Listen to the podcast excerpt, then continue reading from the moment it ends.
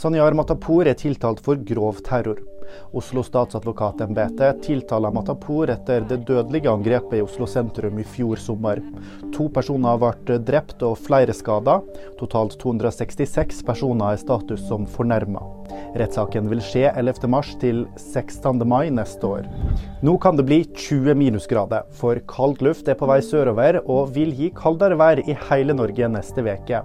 Det er Østlandet og Finnmarksvidda som kommer til å få de laveste temperaturene. Endelig avslag for Annema og Dundar. I snart tre år har Annema Juvali kjempa for at hennes tyrkiske ektemann Dundar skal få bo i lag med henne i Norge.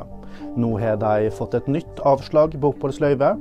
Det er helt lammende, sier en trist og opprørt Annema til VG. De to har blitt kjent gjennom realityserien 'Grenseløst forelsket'. Og flere nyheter finner du alltid på VG.